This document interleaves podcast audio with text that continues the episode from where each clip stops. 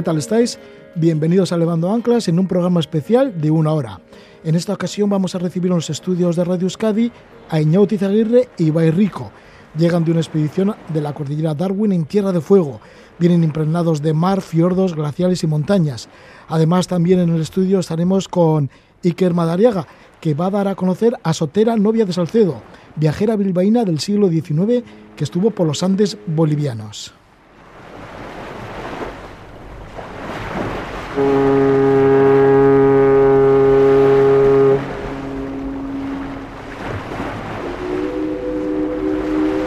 Así, para empezar, vamos a estar con los geógrafos y geólogos Eñaut Izaguirre e Ibai Rico. Han vuelto de Tierra de Fuego para explorar lugares todavía no demasiado conocidos. Han protagonizado la expedición Into the Ice 2022. Han consistido en navegar a vela hasta ciertas bahías y calas de Tierra de Fuego, ya sabéis, en la América más austral, para luego recoger muestras de nieve y hielo. Esta es la parte científica, porque además Ibai Rico, junto al joven alpinista vitoriano John Inoriza, han escalado dos montañas vírgenes de la cordillera Darwin todo un desafío, pues se tenían que mover por densos bosques sin sendas marcadas y aguantar vientos rugientes. Además de esto, Iker Madariaga, de la librería anticuaria Starloa de Bilbao, nos relata cómo ha descubierto el diario de la viajera Sotera Novia de Salcedo, una precursora de los viajes. Entre 1850 y 1856 realizó mm, expediciones por los Andes y también por el lago Titicaca, y en sus escritos describe la forma de vida de los nativos. Sotera fue una mujer que se relacionó con intelectuales y geógrafos en La Paz y también era amiga de poetas y artistas, tanto en Bolivia como en su tierra natal, en Bilbao. Todo un descubrimiento, la de Sotera, novia de Salcedo, esta mujer pues que era muy distinta a otras y muy abierta al mundo allá por mediados del siglo XIX. Como digo, todo un descubrimiento que estamos deseando exponerlo eh, lo vamos a exponer en el transcurso de este programa de Levando Anclas, que ahora comenzamos. Para empezar, nos vamos hacia Tierra de Fuego.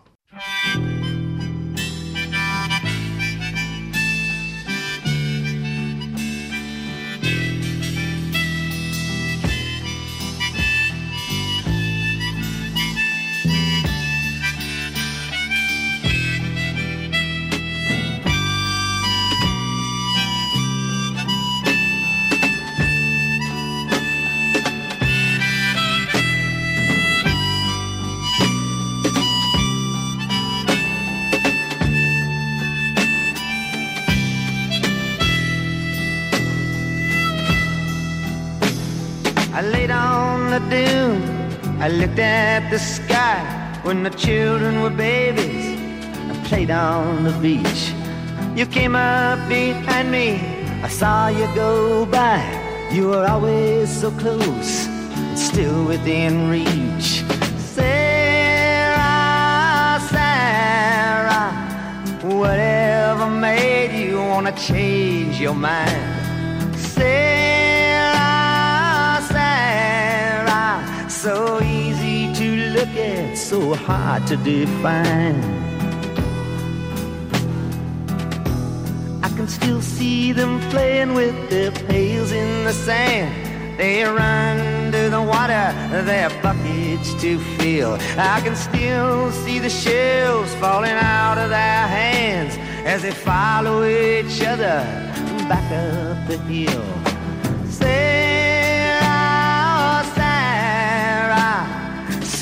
Es el célebre tema Sara de Bob Dylan de su disco Disher. Sara, una de las mujeres en la vida de Bob Dylan, que también da nombre a un cerro, un cerro en la cordillera Darwin, que ha subido uno de nuestros dos invitados que tenemos por aquí. Y es que vamos a estar hablando enseguida con Ibai Rico y Iñaut Izaguirre, ambos son geógrafos y glaciólogos. Regresan de una nueva expedición montañero-científica a la cordillera Darwin en Tierra de Fuego, en Chile.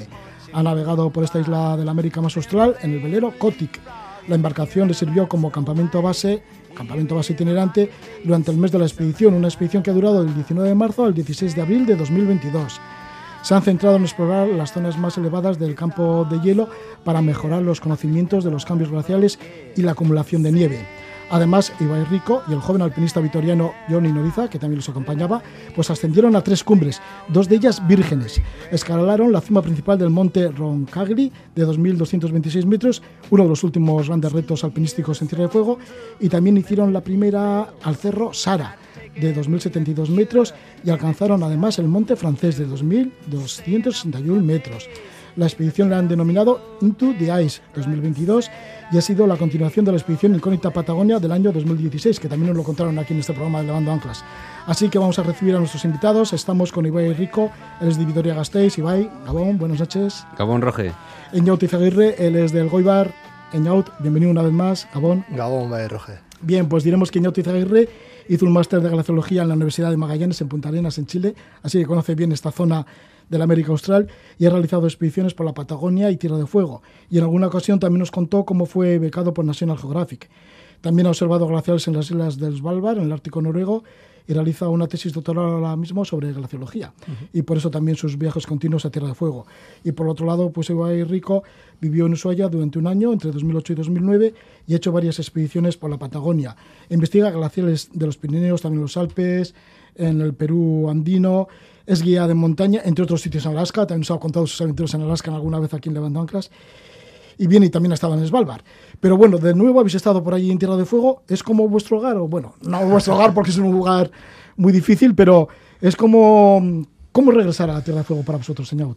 Bueno, pues la verdad que después de una pandemia ha costado, pero, pero bueno, hemos podido ir y la verdad que sí es una especie de vuelta a casa y sobre todo toda esa experiencia que uno va acumulando, en este caso los dos, a la hora de realizar las expediciones allí, pues bueno, yo creo que ha sido una de las claves para poder tener un cierto éxito en esta última expedición Into the Ice. Entonces, bueno, pues sí, ha sido una vuelta a casa, digamos. Sí, y ahí está siempre la combinación que hacéis, ¿no? Entre ciencia y deporte, bueno, más que deporte, exploración y aventura. Sí, yo creo que un poco esa era una de las claves, ¿no? Eh, teníamos unas preguntas científicas que queríamos responder, pero también había alicientes exploratorios eh, deportivos, en este caso, que también nos llamaban la atención. Y un poco siguiendo la filosofía de Incógnita Patagonia, pues decidimos que queríamos buscar esas dos vertientes alpinístico-científicas, eh, tenerlas las dos en una expedición. Eh, encima hemos tenido un equipo muy variado y eso también ha sido otra de las claves como para poder dividirnos, hacer diferentes trabajos, diferentes ascensiones eh, de forma autónoma, digamos. Sí, y además ahí va, hay también dos aspectos, el tema de la navegación, o sea, el mar y la montaña, que lo habéis vivido las dos muy intensamente. Sí, de alguna manera esta zona que, bueno, como dice Ñaut, para nosotros por una parte tiene una serie de preguntas científicas y además es un privilegio poder volver a esta zona tan pristina y tan virgen que de alguna manera no sé, estás allí y parece como el mundo perdido, porque no hay nada, no hay nadie, y es, y es, un lugar realmente increíble, ¿no? El poder ir allí. Y además, el ir allí implica, como bien dice Roge, pues unir por una parte la parte de navegación con la parte de montaña, o sea, hacer la gestión del riesgo tanto de la, de la parte de navegación y la logística con con acceder a la montaña, estar en la montaña, entonces es una, es una parte como muy interesante el mezclar estas dos vertientes. ¿Cómo fue la navegación al velero Cotic? Allí vais con Igor y Adriana, ellos que son chilenos. Bueno, Igor es francés, medio francés uruguayo y Adriana es mexicana. Y bueno, pues ellos son gente de mar, tienen, bueno, pues una familia, sobre todo Igor, ¿no? Que ha vivido siempre en el mar, entonces es muy interesante, ¿no? Acercarse a todo esto. El velero Cotic está muy bien equipado, es muy, bueno, Igor y Adriana son también bastante lanzados a la hora de, bueno, acceder a, lugares donde normalmente no se acceden con velero. Eh, para nosotros ha sido un campo base perfecto para la exploración científica y alpina de la zona porque, digamos que teníamos el velero un poco digamos, a nuestra disposición y con una gente que estaba también motivada, ¿no? Como para, para meter el velero en sitios que no eran los normales, ¿no? Y bueno, la navegación ha sido pues a veces intensa, pero bueno, en general ha ido, ha ido bien. Sí, son Igor Belli y Adriana Enríquez. ¿Y cómo ha sido eso de navegar y de repente llegar allí a esas costas de Tierra de Fuego que nos parecen como, bueno, pues no sé si entre nieblas, todo como muy salvaje, con glaciares que caen al mar? Es difícil de explicar, ¿no? Pero es realmente eh, ya en el momento que además eh, hay una cosa que es que pierdes la cobertura, ¿no? Y al primer día de viaje, no, pero es verdad, porque tienes que dejar todo atado para ya de repente, ¿no? de, desaparecer un poco de la conexión normal, solo nos queda luego el satelital para cuatro cosas, pero ya te metes, ya, para empezar, dejas la cobertura durante un mes y te metes en este mundo que, pues eso, pues es un, laberinto de fiordos, glaciares, eh, con esas condiciones de ¿no? de, mucho viento, eh, todo cambiante, pero a la vez que luego pues son unos paisajes increíbles, ¿no? Entonces poder estar allí con el velero haciendo montaña, haciendo ciencia, bajar, estar prácticamente solos, porque igual te cruzas con algún velero alguna vez, pero prácticamente no ves a nadie más durante un mes, ¿no? Entonces es un privilegio que poder estar en estas últimas regiones del planeta donde, bueno, pues aún casi no hay ninguna huella, ¿no? de, de nosotros, ¿no? Entonces es realmente algo único ya que estabais expuestos en estas regiones que ya dices que son de las últimas casi en explorar del planeta expuestos. Sí, porque la meteorología tiene que ser Ah, sí, bueno, pues en Patagonia pues es un poco como la... Digamos que es un poco todavía, aunque tenemos eh, predicciones meteorológicas, pero sigue siendo un poco esa Patagonia antigua, ¿no? En la que... Eh, bueno, pues ya el acceso es, complicado, pues hay que ir en velero, estás solo, eh, no hay caminos, hay que cruzar los bosques, cruzar los glaciares, para ya finalmente llegar a la alta montaña donde vas bien a hacer escalada, alpinismo o bien a realizar eh, trabajos científicos, pero para llegar allí hay no como mucho trabajo en un entorno que es difícil en general, ¿no? Eh, entonces toda esa parte pues es como no sé, es, es muy trabajosa, pero a la vez es como muy eh, no sé, después muy reconfortante o como muy mm, sí, que te da mucho, ¿no? El poder hacer luego montaña allí, porque encontrar la ventana justo que haga bueno cuando, ¿no? cuando tú puedes subir ahí arriba, eh, hace muy mal tiempo en general, entonces buscar, siempre andamos buscando la ventana, la ventana de a veces 20 horas, la ventana de un día o dos de buen tiempo y el resto del tiempo en general hace malo, ¿no? Entonces hay que como que cuadrarlo todo mucho para poder hacer actividad en esas pequeñas ventanas que aparecen a veces. ¿Que hay vientos rugientes que llegan del oeste, tormentas antárticas, cosas de estas? Sí, claro, el viento es constantemente del oeste en general. Eh, a veces, pues es la zona más ventosa del planeta prácticamente y entonces es algo que es difícil de explicar, ¿no? A veces hablamos de que son montañas que en cuanto a la altura no llama mucho la atención porque estamos hablando de montañas de 2.000 metros, 2.500, Monte Sarmiento, eh, digamos el Shipton, el Darwin, eh, Roncagli, todos estos que hemos estado escalando son de 2.000, 2.200 metros. Y sin embargo, las condiciones, sobre todo el viento, las hacen, mm, digamos que es un factor que parece que se fuesen mucho más altas, ¿no? Cuando estás allí, la sensación que tienes con el viento o con la posibilidad de que el viento cambie tan rápido, pues hace que, bueno, que, pues que sean como montañas más altas, ¿no? El viento sopla a veces cuando estás en el velero y hace, o sea, estás a la noche en el velero y hace aullar el mástil, que parece aquello, ¿no? Mm. Es exagerado, o sea, es difícil de explicar, pero bueno, para que el factor viento es, digamos que es una palabra importante, ¿no? Allí le llaman Hace poco estuve leyendo el libro de Kelly Cordes y, al viento Patagonia es verdad que a veces le llaman la escoba de Dios, que, es como que lo barre todo, ¿no? Y pensándolo un poco, pues sí que es verdad que a veces como que arrasa con todo. Sí. y el paisaje que veis, que es como un laberinto de montañas, fiordos, glaciares. Claro, entonces para que nos situemos, estaríamos al sur del estrecho de Magallanes y entre, digamos, el estrecho de Magallanes y el canal Beagle, ¿no? Toda esa península de la isla grande de Tierra del Fuego que, sale hacia el oeste, es donde se encuentra la cordillera Darwin. Tenemos que imaginarnos una cordillera que, como bien ha dicho Ibai, llega hasta los 2.500 metros en su elevación, pero es que casi en el 50% de su superficie está totalmente cubierta por glaciares, por un gran campo de hielo, que es el campo de hielo cordillera Darwin. Entonces es un lugar muy agreste, eh, picos muy escarpados que están cubiertos de hielo, paredes de roca, de hielo glaciares que normalmente se mueven muy rápidamente, entonces muy agrietados y bueno, pues da así una especie de paisaje a veces incluso desolador, pero a la vez también atrayente, ¿no?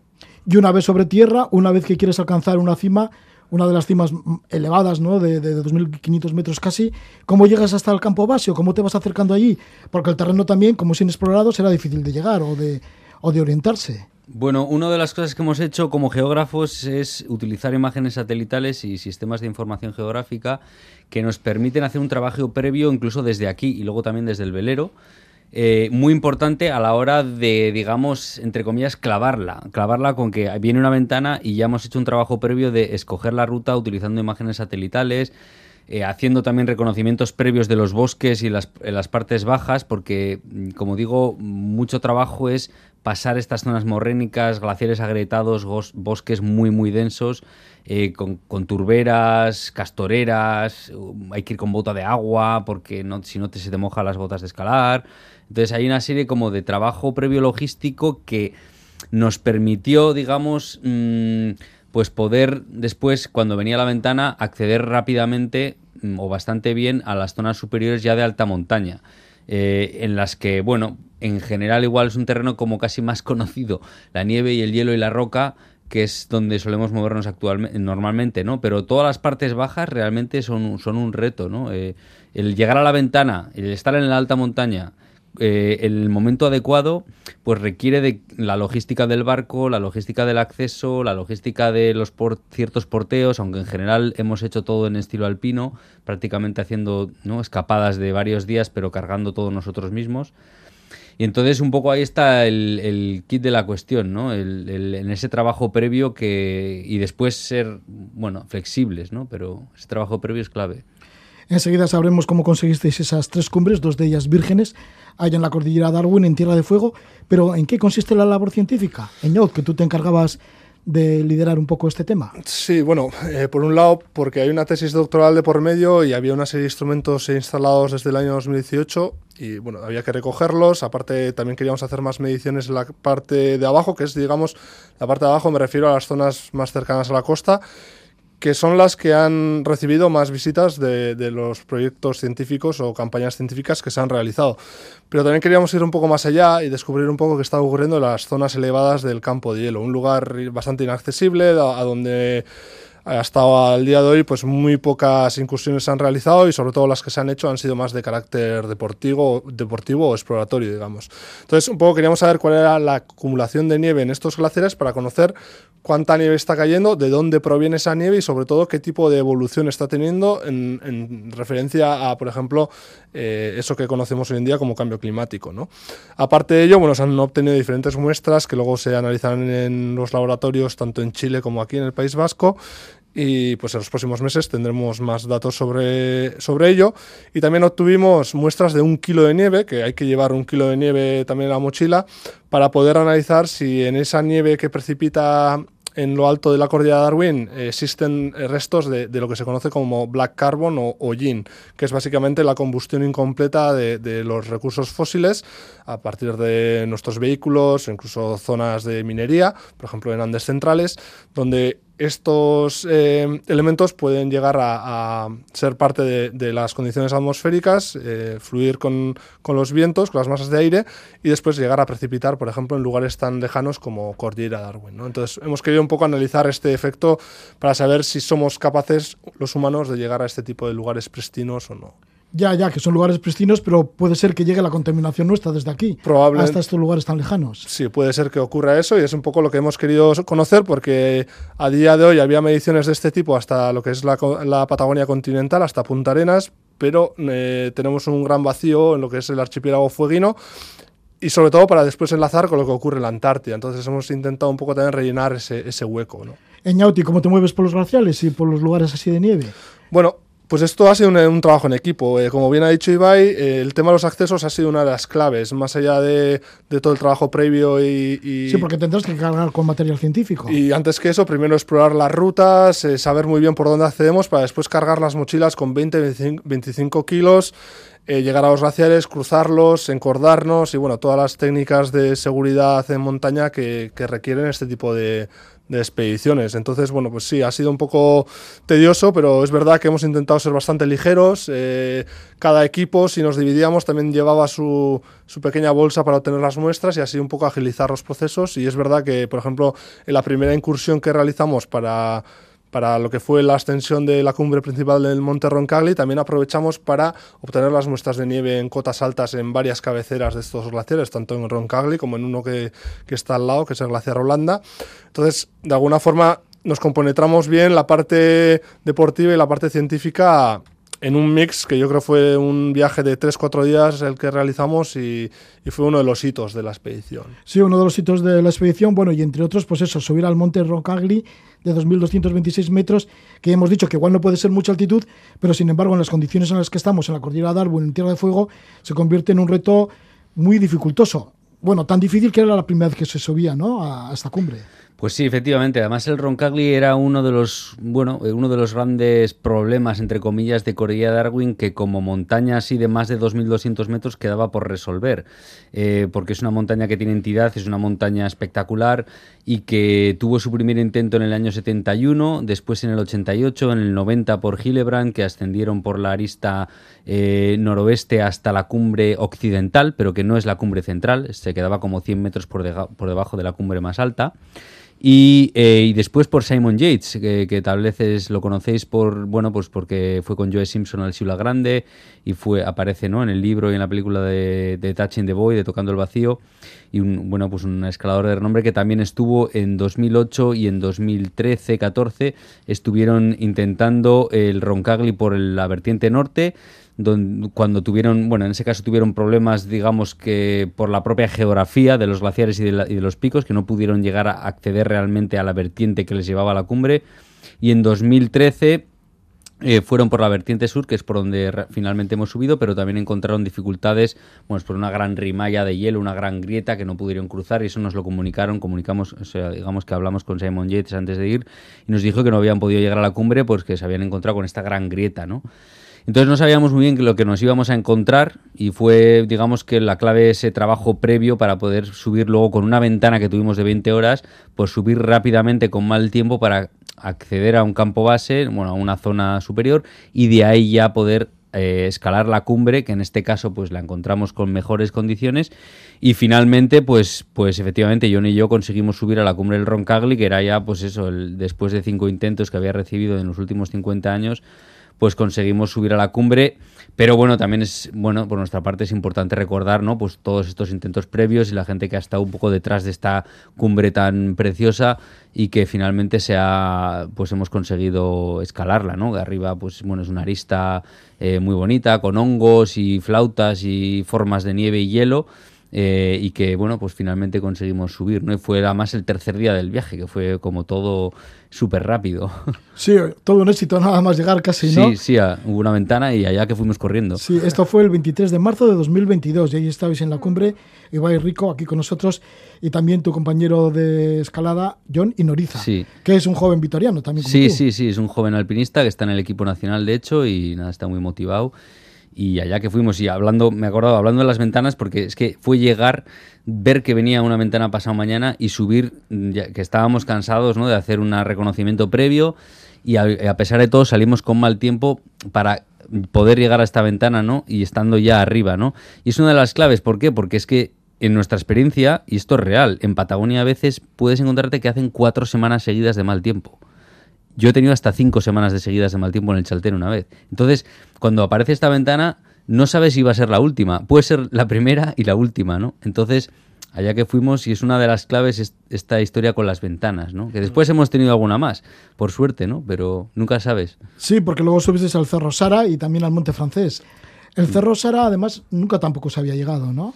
El Cerro a la cumbre. No, también tenía dos intentos, eh, uno en los 90 por un equipo alemán y otro a principios de los 2000 con un equipo medio neozelandés.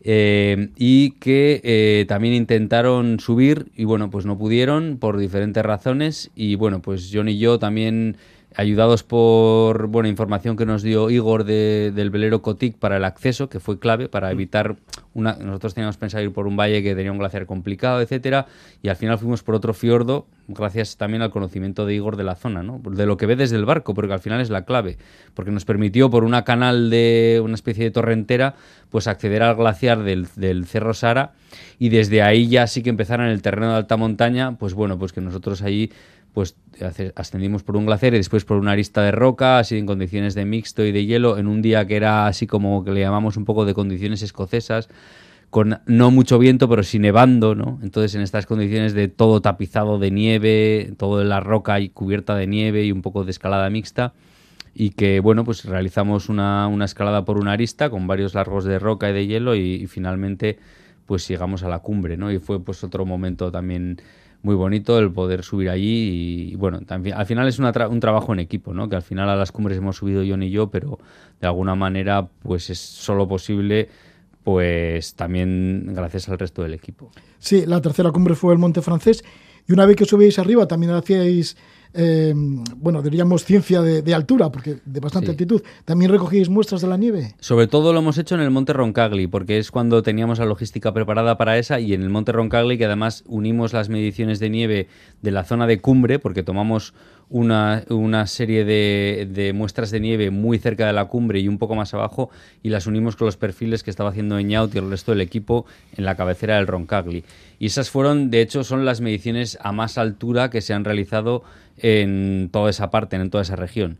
Em, en el Cerro Sara eh, y en el francés no pudimos realizar mediciones y nos centramos más un poco en la parte de exploración geográfica. Y, pero bueno, en el francés, pues efectivamente, al final abrimos una variante en la arista sureste. De hecho, nuestra idea era intentar la cara sur, pero estaba prácticamente pelada de hielo, porque teníamos una línea así fichada de, hielo, así bastante técnica, pero no había prácticamente nada. Y al final, pues hicimos una variante de la sur, uniéndolo con la arista sureste, y bueno, pues quedó una línea bonita con cascadas de hielo, algunos seracs así enormes que tuvimos que pasar por debajo. Seracs son estas grandes paredes de hielo un poco a punto de caerse a veces, que hay que pasar muy rápido. Y fue, pues bueno, también emocionante. Y después, pues una subida ya relativamente más sencilla hasta la cumbre, pero que también tiene unos hongos de hielo en la cumbre que son muy chulos. Y también un día así un poco raro, ¿no? Con viento y mm, parece que se iba a meter una tormenta, pero no acababa de meterse. Y bueno, pues corriendo por ahí por el monte para para poder subir y bajar y, bueno, bien. Sí. ¿y cómo son las noches? Digo, ¿alguna noche que recuerdes de esta última expedición? Mm. Entre glaciales cerca del mar, los fiordos, estar viviendo también como campamento base en el velero. Bueno, lo del velero la verdad que ha sido una ayuda increíble a la hora de poder secar todo el material, estar preparados para lo que comenta Ibai de la próxima ventana, teníamos ya todo seco y nos lanzábamos incluso con mal tiempo para poder acceder. Después las noches, pues bueno, hemos tenido varias noches que hemos estado encima del campo hielo, tanto la zona que ha comentado Ibai del glaciar Roncagli, también cuando ellos estaban en el Monte Francés, nosotros, nosotros estábamos en el glaciar aledaño del Monte Italia que es otro glaciar que tiene un gran plató a 1500 metros y accedimos allí a tomar muestras. Y bueno, pues en este tipo de lugares donde estás en un plató y normalmente bastante expuesto, pues tienes que construir un gran muro de nieve pues de casi dos metros, tienes que encima cavar para poner la tienda más abajo. Y bueno, pues estás un poco en esa soledad, ¿no? Eh, es verdad que siempre estábamos o dos o tres personas juntos y, y, bueno, pues vas también conociendo un poco mejor a tus compañeros de equipo, ¿no?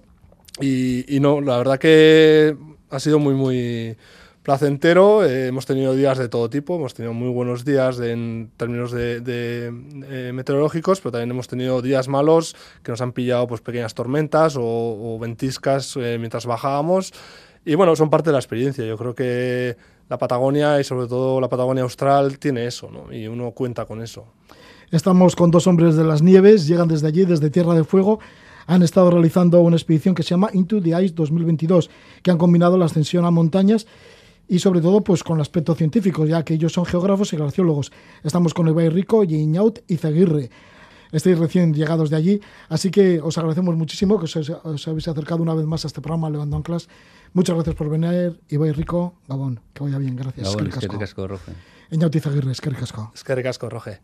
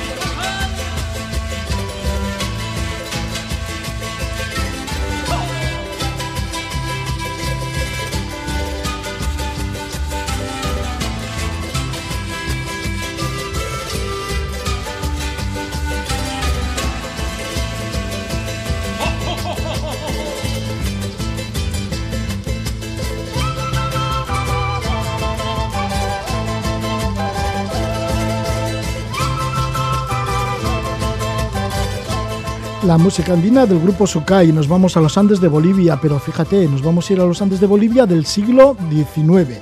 Vamos a ir con una pionera, con Sotera Novia de Salcedo. Una viajera vasca del siglo XIX, pionera en los viajes por Bolivia. El 2 de octubre de 1850 salió de Bilbao en tren hacia París, cruzó el Canal de la Mancha y en Inglaterra se embarcó en un transatlántico hacia la isla de Saint Thomas en el Caribe. De allí a Panamá, cruzó el canal, apareció por el Pacífico y una vez en el Pacífico pues navegó por Ecuador, Perú, Chile hasta Bolivia, que por aquel entonces sí que tenía puerto al mar, Bolivia. Llegó a La Paz y estuvo explorando los Andes y el lago Titicaca entre los años de 1850 a 1856. Sotera, novia de Salcedo, es un personaje que hasta hace poco eh, pues no estaba documentada, estaba, mm, vamos, nadie la conocía y fue en el año 2015 cuando Javier e Iker Madariaga de la librería anticuaria Starloa de Bilbao adquirieron el archivo de la familia novia de Salcedo. Encontraron un pictograma de un catecismo en Aymara, el diario del viaje de la propia Sotera novia de Salcedo, manuscrito, y un álbum que le regalaron sus amistades bolivianas en el que aparecen mapas, acuarelas y poemas. Sotera se relacionó con intelectuales, poetas y artistas, no solo de Bilbao, porque ella pertenecía pues, a una clase alta de Bilbao, sino también de la propia La Paz y de Bolivia en general. Con este material entre manos, Javier y Iker Madariaga emplearon muchas horas de investigación, con paciencia fueron atando cabos y descubriendo poco a poco la apasionante vida de esta mujer.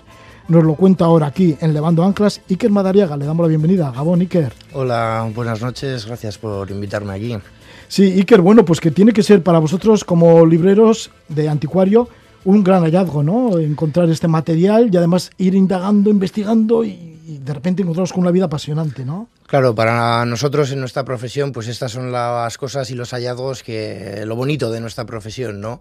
Tanto para mí como para mi padre, que lleva muchos más años que yo, pues este ha sido una de las cosas más, más bonitas que nos ha pasado porque encontramos de una manera un poco caótica todo el archivo, especialmente el pictograma. Al principio estaba en un armario eh, como cualquier cosa, como cualquier papel sin valor. Yo, de hecho, lo, lo, deseché al principio hasta que lo recogió luego ya mi padre. Y nada, cuando llevamos ya todo el archivo de esta familia a la librería y empezamos a estudiarlo, pues fuimos poco a poco... El archivo os lo vendió la familia, ¿no? Sí, bueno, en este caso la albacea, pero sí, la, la familia, vamos, los herederos de, de la familia Novia Salcedo.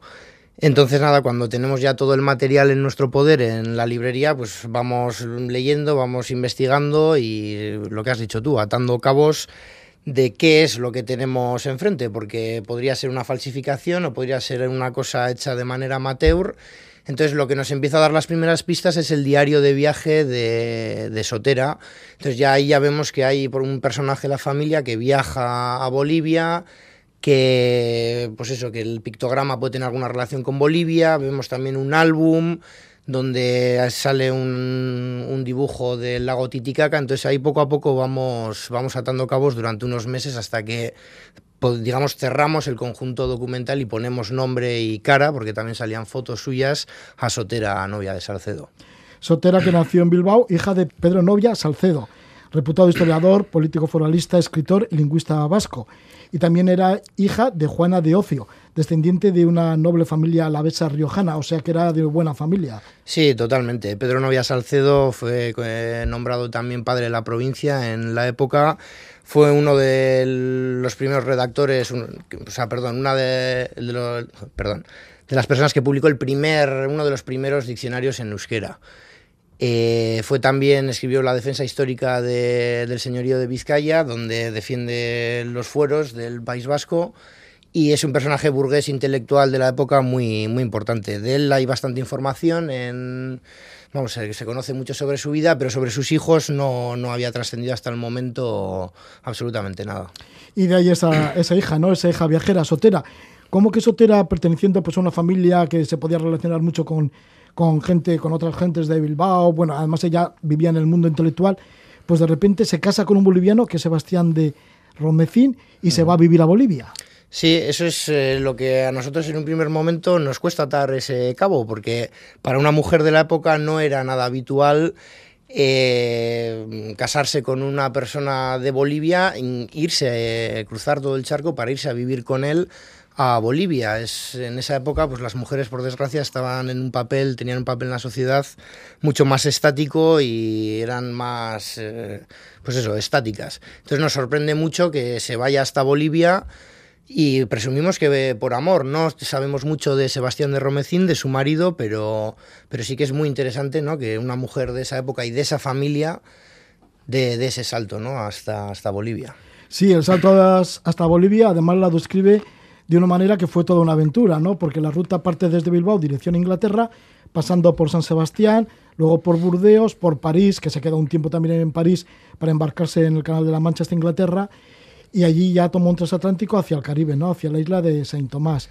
O sea que la ruta fue larga, ¿no? Hasta llegar al Caribe. Sí, el viaje hasta llegar al Caribe creo que son aproximadamente dos meses entre una cosa y otra, dos meses y medio y bueno, en el diario da cuenta de todas las penurias y vivencias que tuvieron que tuvieron que pasar porque por ejemplo en el cambio de un barco a otro pues pierden todo todo el equipaje, el dinero, se montan de Strangis en un barco donde van sin billete, están tan avergonzados que es un caballero francés el que les invita a pagarles el, billete y trazan una amistad y bueno, pues Sotera durante todo este recorrido pues hace, deja constancia ¿no? de todo lo que va viendo. Por ejemplo, hace mucha hincapié en los negros, los esclavos que, que había en aquella época en los barcos, pues que allí en América estaban al parecer acostumbrados a ir desnudos y que eso allá le ruboriza mucho.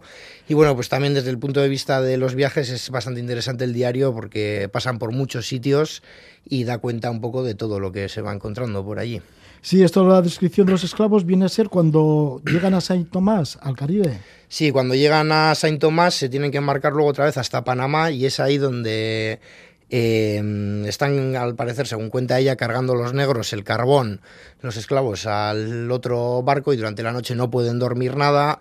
También habla pues, de que hay un montón de mosquitos enormes que no pueden dormir nada. Entonces, bueno, pasan bastantes penurias. Hay que entender que en aquella época, por mucho dinero que se tuviese, pues las condiciones de un viaje de estas características iban a ser siempre bastante penosas. Fue en Panamá cuando se quedan sin billete y sin embargo se meten en un barco Eso de es. Sí, eso es. Se meten sin, sin billete y cuentan el diario que están totalmente avergonzados porque además van con, una, con muy malas ropas del día anterior o en pijama y están tan apurados que al parecer un caballero francés les ve tan así que empieza a hablar con ellos, le explica la situación, que se han metido sin, sin billete y bueno, les ve tan apurados que, se ofrece a pagarles el billete y vamos, les deja hasta ropa suya y de su mujer, este caballero francés, y nada, hablan de que hacen una amistad y que les invita incluso a, a su casa en Lima, en Perú, cuando quieran, así que bueno, es, es curioso también. Sí, porque el barco hacía el trayecto de Panamá, Ecuador, Perú, Chile y luego Bolivia, Bolivia cuando daba al mar, y de allí a La Paz, que era el lugar en donde iban. Eso es, el diario, digamos, se puede dividir más o menos en dos secciones. Una primera sección es el viaje de ida desde Bilbao hasta La Paz, que dura pues alrededor de dos meses y medio aproximadamente, tres. Y luego ya eh, cuando se instala en Bolivia, digamos que inicia la otra parte del diario donde empieza a contar los, eh, las expediciones que hace estando una vez desde La Paz, pues sobre todo se centra básicamente en el lago Titicaca y en la cordillera de, de los Andes. Iker, ¿y este diario que habéis encontrado de Sotera es un diario exhaustivo de lo que va narrando, de lo que va sucediendo en el viaje? Sí, bueno, eh, narra muy bien los viajes. Eh, no es un diario, digamos, eh, eh, que narra el día a día de tal, sino que ella misma, pues los viajes que hace o las, las cosas de relevancia que le pasan allí en Bolivia es donde toma, toma esos apuntes. ¿Cómo es que hace expediciones? Por los Andes y también por el lago Titicaca. Lo del lago Titicaca, ¿por qué hizo una expedición hacia allí? Sí, pues eh, tal como consta en el diario, unas amistades que tiene ya allí en Bolivia le invitan a unas jornadas de caza en el lago Titicaca. Por lo que hemos visto, al parecer en esa época la caza abundaba mucho en esa zona y nada, pues eh, sale una comitiva desde La Paz a pasar unos días en, en el lago Titicaca. Narra también todo el viaje de ida, cómo se duerme allí, la humedad que hay, cómo son los indios nativos de esa zona, y es allí donde sabemos por el, un profesor de la Universidad Complutense de Madrid que expertizó este catecismo, que un viajero, un explorador suizo, unos años eh, atrás había comprado un catecismo muy similar a este que, que tenemos de, de, Novia Salcedo. Entonces, atando cabos es donde nos damos cuenta de que Sotera seguramente durante ese viaje al lago Titicaca adquiere a la población local aymara este, este catecismo pues de una manera, digamos, seguramente lo compró pues a modo de un souvenir, un recuerdo, una, una curiosidad. Sí, porque este pictograma hoy en día es casi un tesoro, ¿no? Digo, porque son dibujos hechos sobre piel de llama. Sí, son sobre piel de llama o piel de... también puede ser piel de oveja, según cuentan los expertos, y es muy interesante porque mm, el explorador suizo que he comentado antes... Sí, tienes el nombre del explorador. Sí, se llama Chudi. Eh, él cuando hace esa exploración en los- unos años antes, sobre 1835-38, habla de que una niña en, ese, en uno de los poblados de Copacabana, allí en el lago Titicaca, eh, había un abuelo que confeccionaba estos pictogramas y que se llamaba Juan de Dios Apasa. Entonces, lo que pasa es que este Juan de Dios Apasa fue un indio nativo de ahí de la cultura aymara que fue cristianizado y hispanizado, por así decirlo, aprendió el castellano, aprendió la doctrina cristiana Por los jesuitas, ¿no? Por los jesuitas, correcto. Entonces, él intenta transmitir esta doctrina cristiana mediante pictogramas, mediante dibujos muy simples a su pueblo. Entonces coge una piel de, bueno, varias pieles de llama o de oveja y va haciendo pequeños dibujos donde se ve, pues por ejemplo, hay palitos normales donde se- que simbolizan años. Luego, por ejemplo, pues vemos un humano que con unas escaleras que sube al cielo, luego ya se ve la cruz de Jesucristo. Entonces, mediante estas figuras simples intenta explicar a su pueblo la, la doctrina cristiana. Iker, tú encontraste este pictograma, ¿no? Sí, yo lo encontré, lo deseché y luego mi padre lo volvió a reencontrar. ¿Qué dijiste? Bueno, que esto es piel de cordero, de. Sí, el problema es que en esta casa había también el, el último propietario, eh, era aficionado curiosamente a no a falsificar, sino a reproducir algunas cosas antiguas. Tenía Biblias coptas pintadas por él mismo, en piel de animal también. Entonces eso a mí me hizo dudar un poco sobre la originalidad de, este asunto. Pero bueno, ahí pues se hicieron valer los años de experiencia de mi padre, que lo volvió a rescatar una vez más y ya... Ya gracias a Dios pues lo pusimos en... Sí, porque hay que decir que con la librería Starloa, en el tema de anticuario, pues lleváis muchos años. Sí, de hecho este año es nuestro 30 aniversario ya. 30 aniversario, o sea que ya estáis curtidos en el tema. Sí. Bueno, total, este hallazgo y seguimos un poco con la vida de Sotera, sobre todo su vida y sus viajes por Bolivia, ¿no? Durante esos cinco años, porque luego mm, desaparece, ¿no? Ya no hay más documentación. Estamos hablando de su vuelta a Bilbao, que fue en el año 1856, llegó a Bolivia, recordamos, en el año 1850, estuvo asentada en La Paz hasta 1856, en donde hizo estas expediciones al lago Titicaca, a los Andes y a algunos otros lugares, pero luego regresó a Bilbao por temas familiares. Sí, en el diario hay un pequeño apunte de que le reclaman desde Bilbao de que tiene que dejar La Paz para volver a Bilbao a pues eso, atender asuntos familiares. Por desgracia no, no trasciende más, más información, hemos estado investigando y tampoco en ese año a Pedro Novia Salcedo le ocurre nada importante, entonces pues podemos suponer que sea un tema de herencia, de enfermedad de algún familiar o algún asunto similar. Se sabe que luego regresó de nuevo a, a Bolivia, ya que tenía ya su marido, a Sebastián de Romecín. Eso es. Luego, después de atender estos asuntos en Bilbao, sabemos que vuelve a Bolivia porque lo hace constar en el, en el diario. No vuelve a narrar todo el viaje de ida hasta allí, pero sí narra años después algún viaje posterior que hacen desde estando otra vez desde, desde La Paz. Y ahí ya se corta, acaba el diario, digamos, y no, no sabemos nada más de esta, de esta mujer, pero bueno. Sí, y en su diario de, de viaje, ese manuscrito que habéis encontrado, pues ella narra, describe un poco tanto los paisajes como los tipos de indígenas, sus costumbres, sus culturas, y en cierta ocasión además eh, estuvo invitada a una boda allí en, los Andes y describe muy bien las vestimentas de las mujeres y bueno, de, los invitados, ¿no? Sí, sí, creemos que tanto el álbum como el diario son muy interesantes a nivel folclórico y etnográfico porque, por ejemplo, dedica un apartado del diario, digamos, a describir una boda india a la que les invitan en la cordillera de los Andes. Entonces hace una descripción muy interesante de toda la, la procesión que se hace para llevar a la, a la novia, de los trajes, de la indumentaria, de los ritos, de las tradiciones. Entonces, eh, pese a que ya es el siglo XIX y hay muchas cosas documentadas, pues que una mujer bilbaína de esa época eh, esté viviendo estas eh, experiencias, pues para nosotros es algo, es algo increíble, la verdad. Sí, pues está ese diario de viaje, está el pictograma Aymara del catecismo ahí transcrito con esos dibujos y luego también está un álbum, un álbum que le regalaron los propios bolivianos, claro, sus amistades bolivianas, que entre ellos pues había muchos intelectuales, había un cartógrafo como Juan de Ondarza, que seguramente viajó con ella por ahí, al lago Titicaca. Sí, esta mujer pues sabemos que se relacionó muy bien una vez en, en Bolivia, seguramente a través de su marido, que presumiblemente era noble también, bueno, noble burgués. Y sí, allí hizo amistad por lo menos con dos personalidades bastante destacadas de la Bolivia de la época. Una fue Modesta Sanginés, que fue una músico y poeta, vamos, la más importante de Bolivia del siglo XIX. Le dedica un pequeño poema en este álbum y la otra también es muy interesante porque es el cartógrafo Juan de Ondarza, que es también el cartógrafo más importante boliviano del siglo XIX, y le dedican el álbum dos páginas. Una es un perfil de la cordillera de los Andes, acuarelado, y la otra es un pequeño dibujo, pero muy detallado y muy bien hecho, del lago, del lago Titicaca. Ya, pues unos dibujos además bien bonitos, ¿no? De los Andes y del lago Titicaca. Y luego hay que decir que también tenía correspondencia con intelectuales en Bilbao, en la tierra que dejó. Por ejemplo, con la poeta bilbaína Matilde Orbegozo. Sí, así es. En, todo el archivo de esta mujer pues salió por una parte el diario, el álbum, pero también tenemos más información de ella y más documentación porque tenemos fotos de ella, le hemos podido poner cara.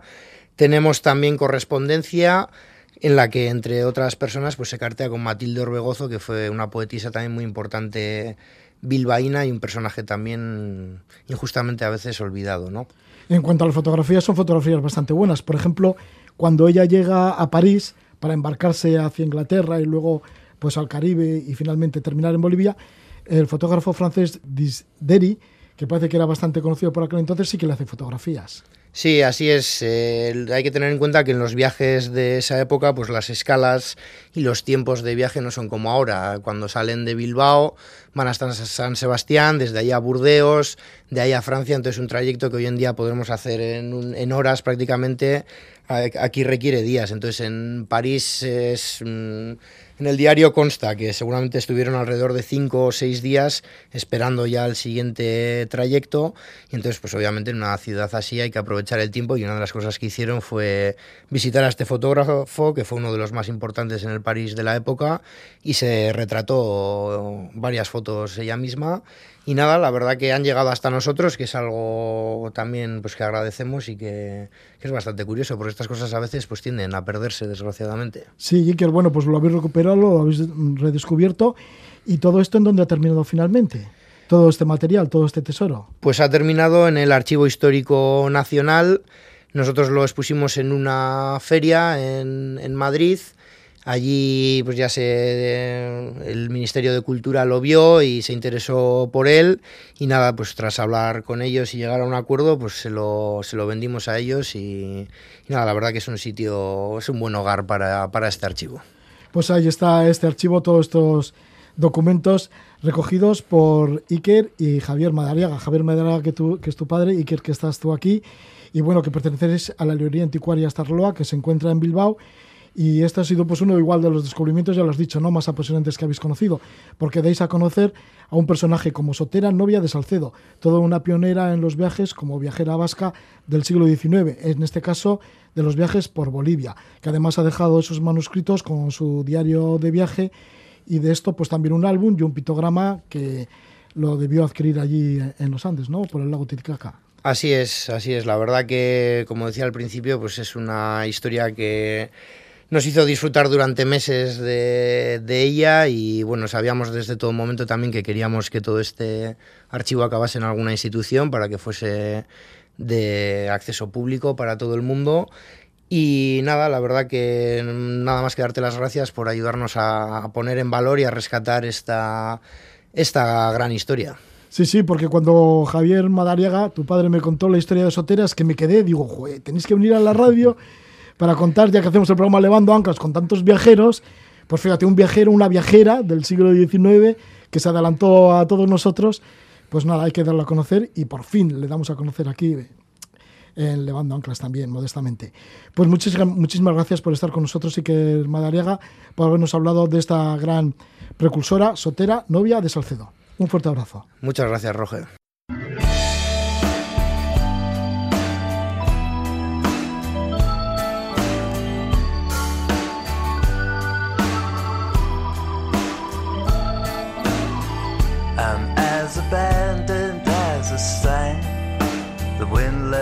your door.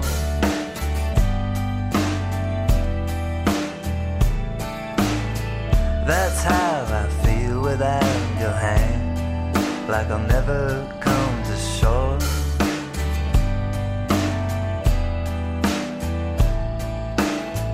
To see that blue light shine again, and know it's possible to be.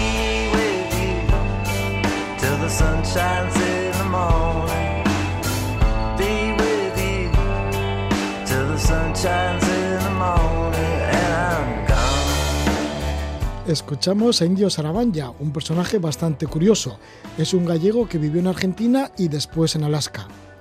Esta vez hemos tenido un programa de Levando Anclas de una hora. Llegamos al final, después de haber estado escalando montañas en la cordillera Darwin, en Tierra de Fuego, y de haber sacado del olvido a la viajera del siglo XIX, la bilbaína Sotera, novia de Salcedo. El próximo domingo volveremos con más aventuras, esta vez con dos horas, de 10 a 12 de la noche. Así que os esperamos, buena semana, vientos a favor, y ahora vamos a escuchar, nunca nos cansamos de escucharle a Rafael Berrio con el tema Dadme la vida que amo. Con él nos despedimos. Dulces sueños.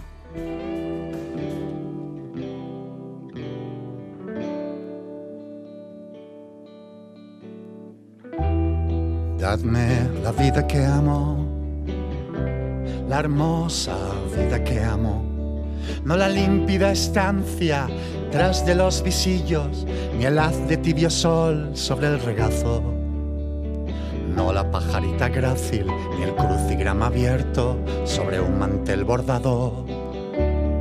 Mientras el péndulo desata el engranaje del canto del cuco sino la vida que amo.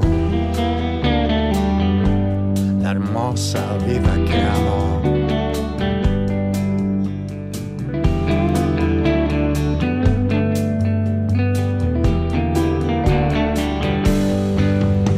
El signo variable de las intemperies, el vagar errante y solitario, el alma elevada en los alcoholes fuertes fiereza en los ojos deslumbrados, el pasar con nada, el mendrugo de pan, la indolencia a orillas del río. Dadme al clarear lo que es mío, la hermosa vida que amo.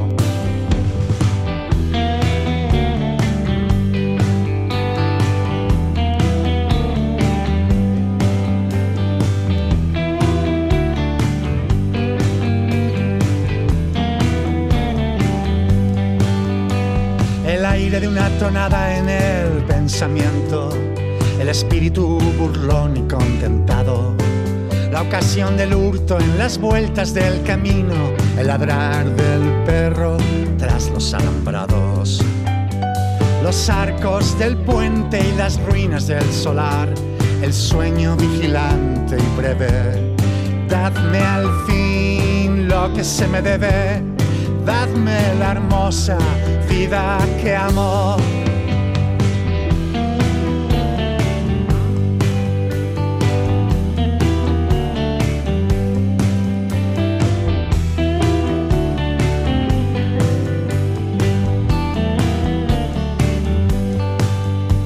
Los dones fortuitos de la providencia, la limosna en la palma de la mano amor non santo de la prostituta, las tabernas del suburbio portuario, toda la poesía de la perdición y en la hora señalada el bello gesto. Dadme, os lo pido, todo esto, la hermosa vida que amo.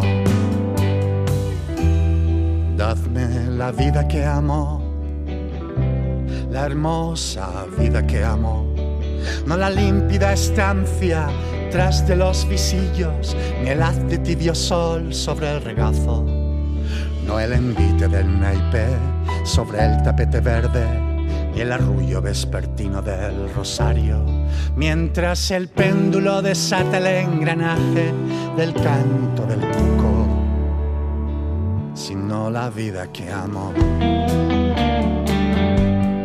hermosa vida que amo.